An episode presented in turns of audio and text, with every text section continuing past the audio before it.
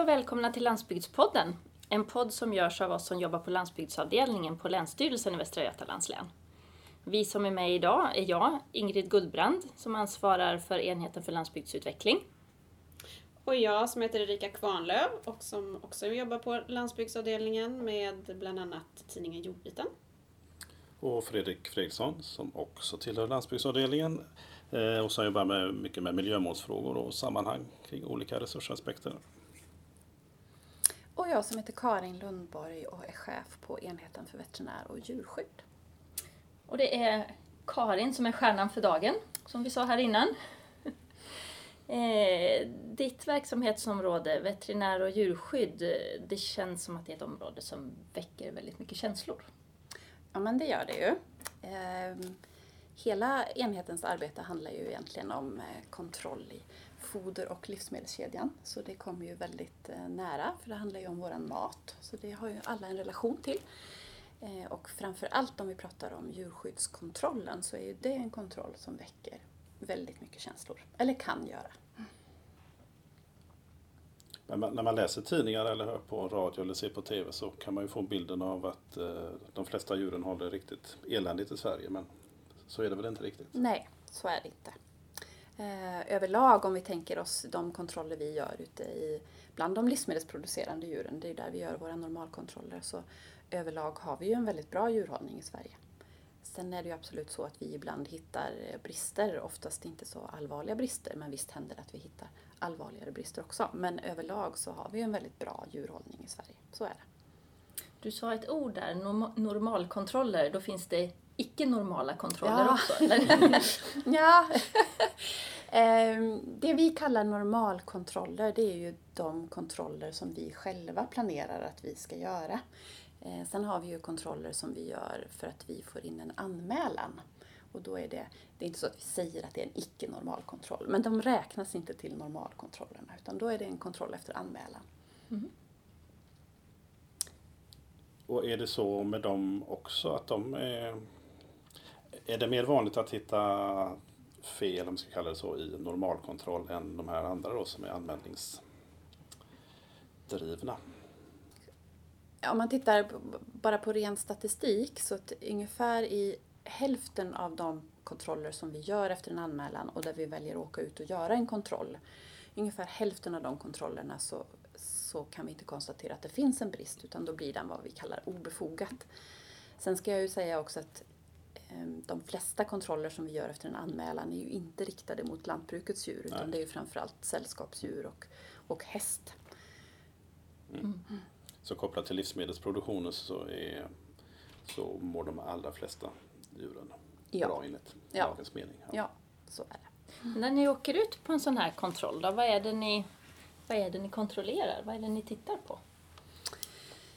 Du tänker en sån planerad kontroll Ja, som vi För, gör? för att ge en bild av vad... Ja. Ehm, ja, det vi gör är ju en kontroll att djurhållningen följer den svenska djurskyddslagstiftningen. Och då finns det ju vissa områden som vi tittar på. Eh, Och det handlar mycket till exempel om eh, djurens renhet, renhet i deras närmiljö.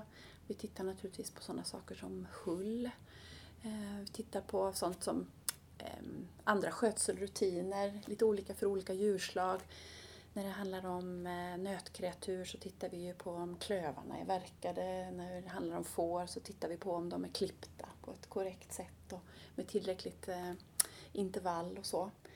Ehm, ställer ju frågor om sådana saker som hur man har, vilka rutiner man har när det gäller sjuka djur. Ställer kanske frågor om rutiner när det gäller just rengöring eller eh, utfodringsrutiner och så. Så det är ju för att få ett grepp om hur, hur djurhållningen fungerar i, i den besättningen vi besöker. Mm. Så eh, väl, eh, vad ska man säga, rutiner som ser till så att vi vet att djuren mår bra. Precis, ja Mm. så är det.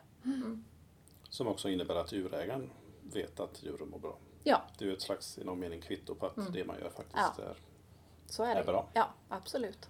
Så är det. Och det, är väl kanske, det är ofta så att vi ser kontroller som någonting, någonting ont som kommer utifrån men det är också ett, ett kvitto på att man eh, har sin produktion enligt de lagar och regler som samhället har sagt att vi ska Ja. följa. Precis. Upplever ni att djurhållarna känner så när ni kommer ut att åh, vara bra att någon kommer och, och kollar så att det... Väldigt olika. Mm. En del ger faktiskt uttryck för det. Att det är självklart att, att vi ska kontrolleras och att, precis som du sa, att det, är väl ett kvitto på att jag har en bra djurhållning och så. Eh, och att det är jättebra att någon kommer utifrån och tittar på min djurhållning och kanske kan ge mig lite vägledning i hur jag ska tänka. Eh, men sen finns det naturligtvis de som också tycker att det är fruktansvärt jobbigt. Eh, som tycker att de blir väldigt utsatta i situationen. Här kommer myndigheten och ska göra en kontroll. Och det måste vi vara väldigt ödmjuka för när vi kommer ut. Vi måste verkligen tänka på det, att vi, vi kommer från en myndighet, vi har ett övertag i detta. Vi måste vara väldigt ödmjuka i situationen. Och det är ju någonting som vi jobbar väldigt mycket med också.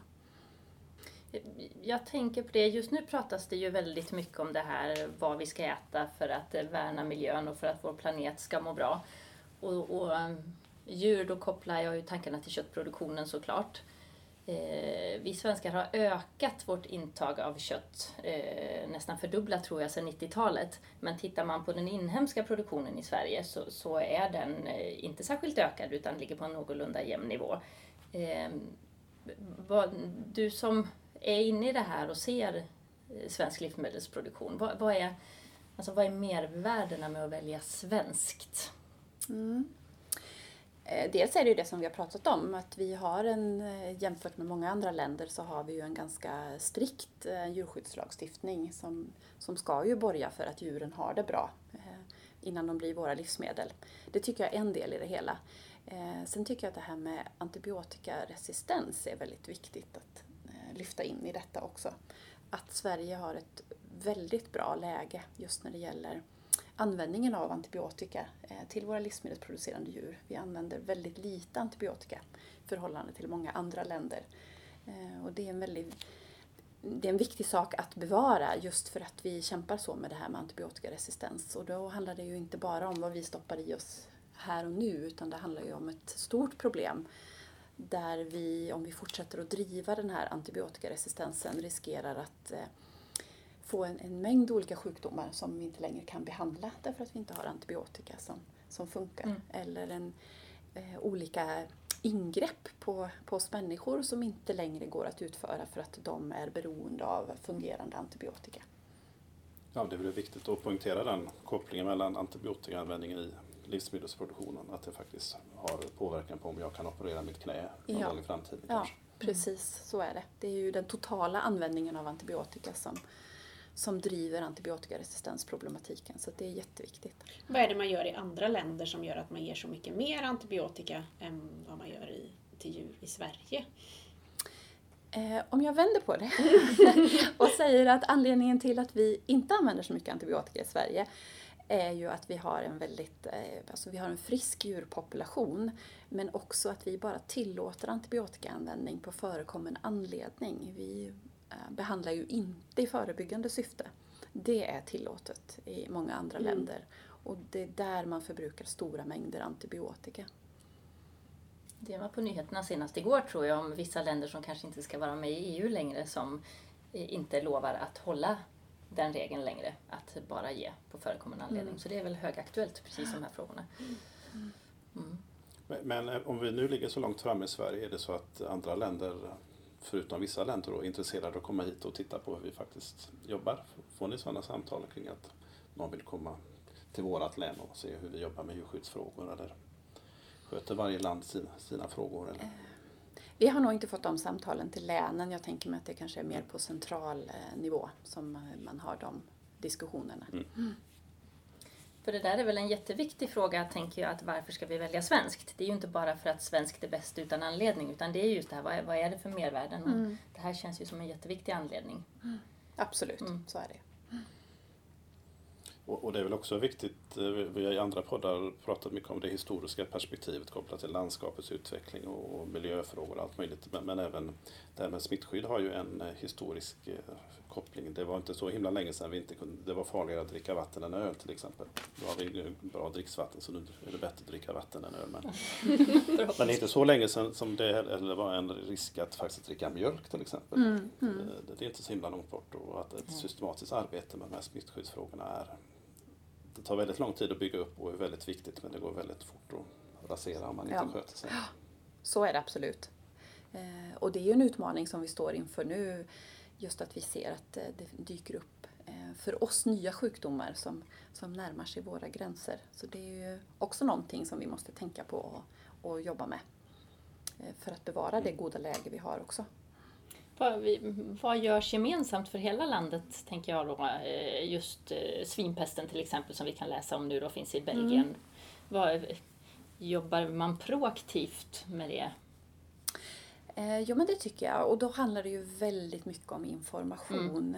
Ehm, för just den sjukdomen du nämner där då, den afrikanska svinpesten, den är ju en, en sjukdom som vi det handlar inte bara om att jag för in en smittad gris i landet utan den sj- sjukdomen kan ju till exempel komma med eh, olika eh, charkprodukter.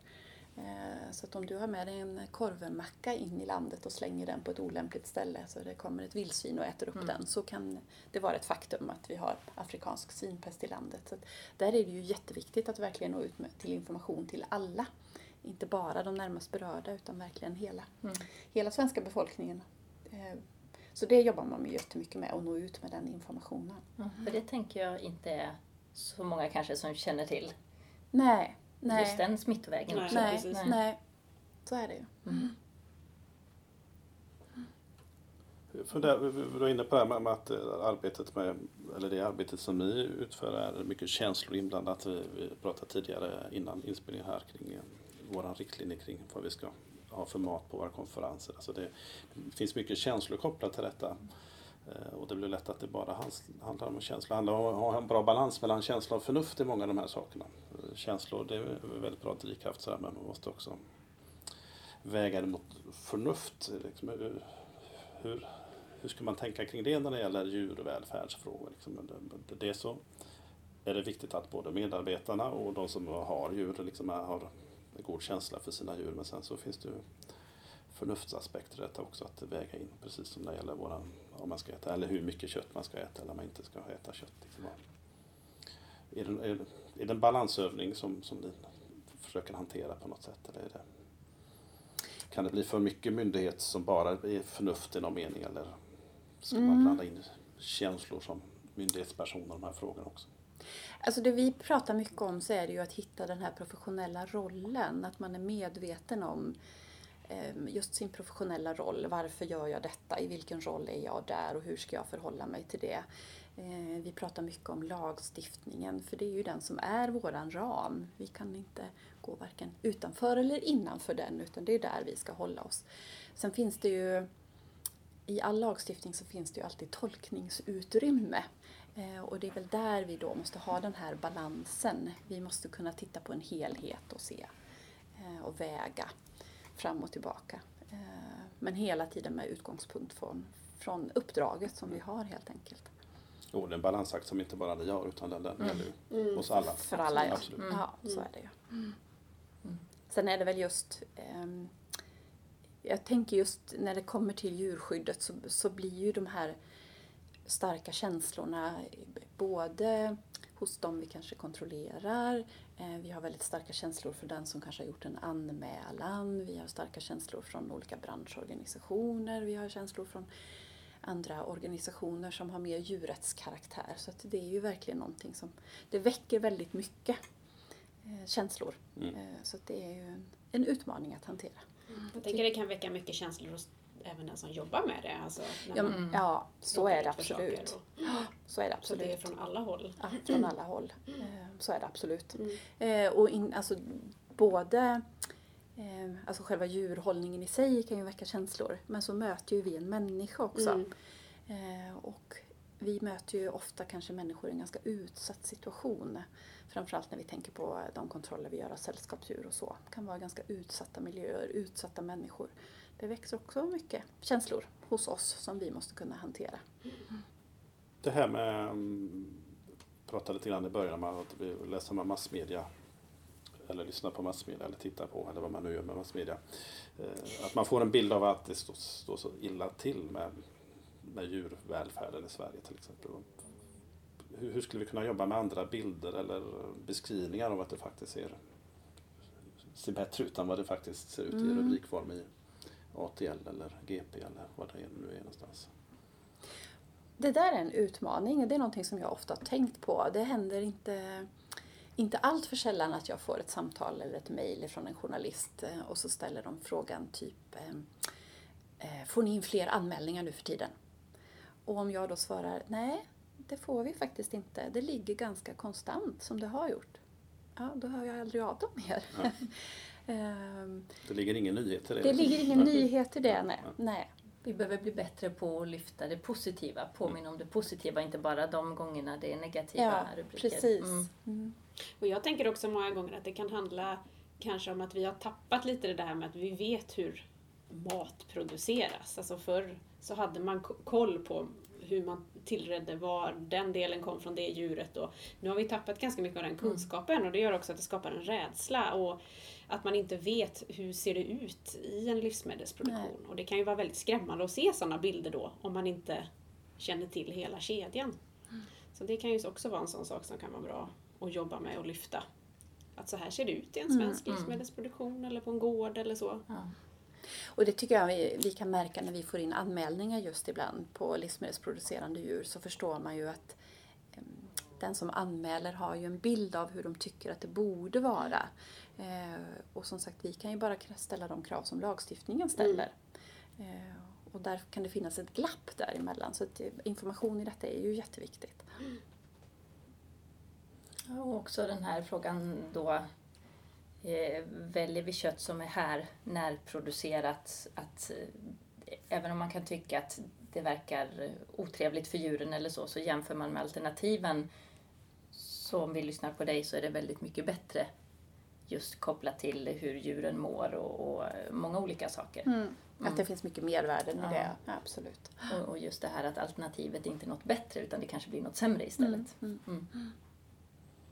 Hur är det med det här med transport med djur? ibland ser man ju när man är ute och åker djurtransportbilar, hur, hur, långt, hur långt får ett djur åka? Men det finns väldigt tydliga eh, det finns tydlig lagstiftning som talar om hur länge man får transportera ett djur innan det måste ha paus och så. Eh, så det finns ju tydlig lagstiftning mm. som styr det. Mm. Och det är något som ni också Det gör vi också. Ja, ja. Um, ur flera aspekter, alltså dels så kontrollerar vi ju transportfordonen i sig mm. så att de uppfyller kraven och så. Uh, sen gör vi ju ibland uh, alltså sådana flygande transporter som vi säger, där vi står ute på väg och stoppar transporter och kontrollerar just sådana saker som att eh, de har riktiga dokument och att de inte transporterat djuren för länge eller så. Hur, varför, eh, under de senaste åren så har det, det här med småskalig förädling är någonting som har vuxit väldigt mycket och intresset för eh, högförädlade råvaror och så vidare. Vad, vad, finns det någon risk eller utmaning kopplat till smittskydd kopplat till att det är många mindre anläggningar nu jämfört med att vi har få stora. Liksom, finns det någon sån fördelar och nackdelar med sådana olika system utifrån ett smittskyddsperspektiv? Eller är det rätt? I grunden tänker jag att alltså, att hålla ett gott smittskydd handlar ju om vissa basala krav då. Eh, att man ska ha ett rätt tänk när det gäller detta med djurflöde eller hur man eh, eh transporterar utrustning eller redskap eller hur man själv, att man själv tvättar händer och så vidare. Och så så I grunden så är det ju inte det någon stor, det är liksom mm. samma. Sen det är klart att eh, om du får in en smitta i en väldigt stor besättning så kan ju det få en annan konsekvens än om du får in det i en lite mindre besättning. Men grunden för att hålla smittan utanför är ju mm. densamma. Vi har pratat mycket om djurskydd och, och den biten. I, I, när du presenterade dig så sa ju du att din eh, enhet heter veterinär och djurskydd. Veterinärdelen, då är det... Vad, vad, vad gör de? Ja, vad gör de? eh, där jobbar vi ju eh, till exempel med kontroll eller tillsyn av de kliniskt verksamma veterinärerna eller den kliniskt verksamma djurhälsopersonalen som det heter i länet. Eh, vi gör tillsynsbesök hos dem, ser till att de följer lagstiftningen när det gäller till exempel journalföring och läkemedelshantering. Eh, just när det gäller läkemedel så gör vi också sådana kontroller ute på gård. Mm. Kontrollerar att djurägaren eh, en del djurägare har ju medicin hemma, de får sätta in medicin på, eget, på egen hand och sen har de istället regelbundna besök av veterinär där man går igenom medicinförbrukning och så. Eh, men då är det ju samtidigt viktigt att de hanterar de läkemedlen på ett korrekt sätt, så Mm. det kontrollerar vi också. Vi har ju även kontroll utav eh, foder eh, i foderkedjan. Det görs enligt lagstiftningen eller hanteras enligt lagstiftningens krav. Vi har eh, tillsyn på den kommunala livsmedelskontrollen så det är vi som är tillsynsmyndighet över kommunernas livsmedelskontroll. Man kan säga att ni är inne i en ganska stor del av kedjan, inte bara primärproduktionsdelen Nej. med djuren i- på gården utan även längre fram mot Ja. ett färdigt livsmedel. Precis, det är vi.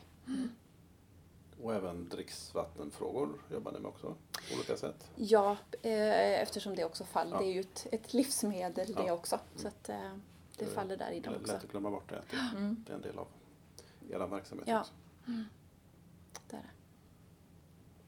Och sen åtminstone vi på Länsstyrelsen har pratat ganska mycket om eh, under ja, senaste halvåret att ni också har fått nya uppdrag. Eh, uppdrag som tidigare låg hos polisen, eller Ja, hur? Mm. precis. Vi pratade just om jag var med på ett möte på förmiddagen idag och då säger vi fortfarande polisens uppgifter och så pratar vi just om att det kanske är dags att vi slutar säga så nu och kallar det de nya uppgifterna Ja. istället.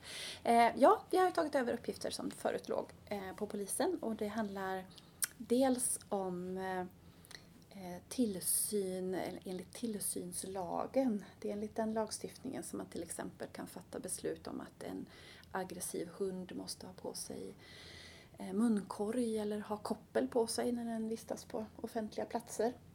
Eh, det hanterar vi numera. Och sen är det också det som kallas verkställigheten av våra omhändertagande beslut. Tidigare var det så att vi, om vi var ute i en djurhållning och det var riktigt illa så fattade vi beslut om omhändertagande och då var det polisen som såg till att det faktiskt blev ett omhändertagande, att djuren flyttades från platsen och stallades upp någon annanstans. Och sen fattade vi beslut om vad som skulle hända med de här djuren, att de kanske skulle säljas. Och då var det polisen som skötte försäljningen. Nu ligger hela den kedjan hos oss istället. Så vi har att hantera hela vägen. Mm. Det dyker ju upp lite annonser på Länsstyrelsens Facebook-sida Ja, bland annat precis. eh, med diverse djur. Ja. Mm. Jo, vi har eh, sedan första juni så har vi sålt eh, ett antal djur ja, som Mm. har blivit omhändertagna. Är det lätt att få de här djuren till en ny ägare? Är det, finns det ett intresse för att köpa? Det är naturligtvis väldigt olika beroende Mm. på vad det är för djur. Ehm, Det beroende på vad det är för djur, djurens ålder, eh, skick. Så att det varierar väldigt. I morse var det en travhäst såg jag. Ja, Mm. som ute. En vinnare. Ja, hoppas kanske det är lätt så. Det är så ni får sälja in dem. ja. En höna som värper guldägg. Får Ja. ni sålt den direkt. ja det ska jag tänka Måste på. jobba med bilderna. Ja, precis. Mm. Falsk Ja, marknadsföring. jag tänkte också det. Vad jag funderar på eh, ofta när vi pratar och eller de frågorna vi jobbar med på Länsstyrelsen är ju framtidsfrågor väldigt mycket. Vi ska lösa massor med miljöproblem och regional utveckling och klimatfrågan och allt möjligt. Och där är ju livsmedelsförsörjning och vårt förhållande till hur vi håller våra djur väldigt viktiga delar också. Om du liksom tänker dig 50 år framåt i tiden, vad, är det någonting då som du inte ser idag att vi sysslar med som vi borde liksom ta tag i för att jobba med hållbarhetsfrågorna kopplat till, till våra Oj, vad samhälleliga Stor utmaningar. fråga. Eh, Jobba med stora frågor. Ja. Ehm. Jag kan på något vis tänka att det vi gör är grunden i mycket annat. Just det här att eh, vi har den här kontrollen i foder och livsmedelskedjan som ju är till för att konsumenterna ska känna sig trygga och säkra med de livsmedel de äter. Att de är producerade och framtagna på ett bra sätt. Eh, att det är grunden för alltså vidare arbete sen med annan hållbar utveckling och så. Har vi inte det så kan vi liksom inte ens ta oss vidare därifrån. Sen kan man ju hoppas att vi ehm, att vi har nått så långt så att vi till exempel verkligen gör de kontroller som får allra störst effekt. Att vi har fått så förfinade redskap så att vi verkligen kan göra kontrollerna som får allra störst effekt. Så att vi eh, utnyttjar resurserna på ett klokt sätt och också som sagt gör, gör mest effekt ute i, i verksamheterna. Ja, det är väl rimligt att anta att en djurhållning med hög djurvälfärd har bättre framtidsutsikter än en med dålig djurvälfärd. Så är det ju. Och det är ju så redan idag, vår kontroll ska ju vara riskbaserad. Det är inte så att varje djurägare ska ha besök vart femte år eller vad man nu kan tänka sig, utan vår kontroll ska vara riskbaserad. Tanken är ju att vi ska göra kontrollerna där de bäst behövs. Mm.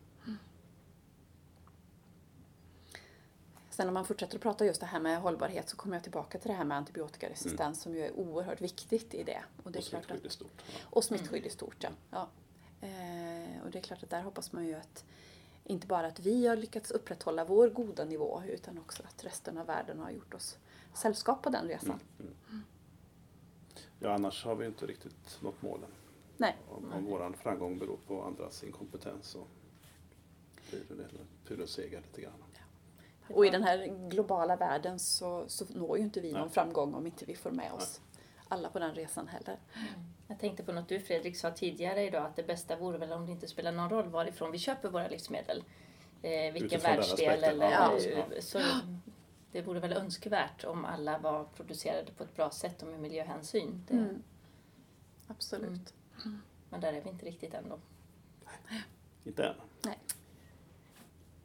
Karin, du sa något klokt förut som jag tror stämmer också. Att mycket av det jobbet som ni gör är ju kanske lite osynligt för väldigt många men, men det är grunden för väldigt mycket av många hållbarhetsfrågor och inte minst kopplat till livsmedelskedjan. Och, och utmaningen då att eh, övriga världen kanske, kanske inte alla länder men många länder har ju mycket kvar att göra. Så, så, så kanske det är så att vi ska jobba med våra bilder. Liksom att vi, det är faktiskt så att, att utifrån vad vi ser utifrån våra uppdrag så är djurhållningen i vårt län väldigt god. i Stora delar. Ja men så är det absolut. Det tror jag är viktigt att lyfta. Eh, som du har sagt förut här, det, det man lyfter är ju gärna det som inte är så bra. Och det är klart att det finns ju det också, men det är ju inte det som är majoriteten, absolut Nej. inte. Och det är inte det som är målet. Det är inte det som är målet, nej, utan då är det ju viktigt att lyfta det som är positivt. Och att det är ju att vi, som sagt, vi har överlag en bra, en bra djurhållning. Och ett bra smittskydd. Och ett bra smittskydd. Ja, absolut. Så är det. Och säkra livsmedel i och med det då. Ja, Mm. Det kan väl vara en bra avrundning tänker jag. Eh, tack så mycket Karin. tack själv. Och tack för att ni har lyssnat. Hoppas att ni tittar in igen och lyssnar nästa gång också. Hej då! Hej då! Hej då!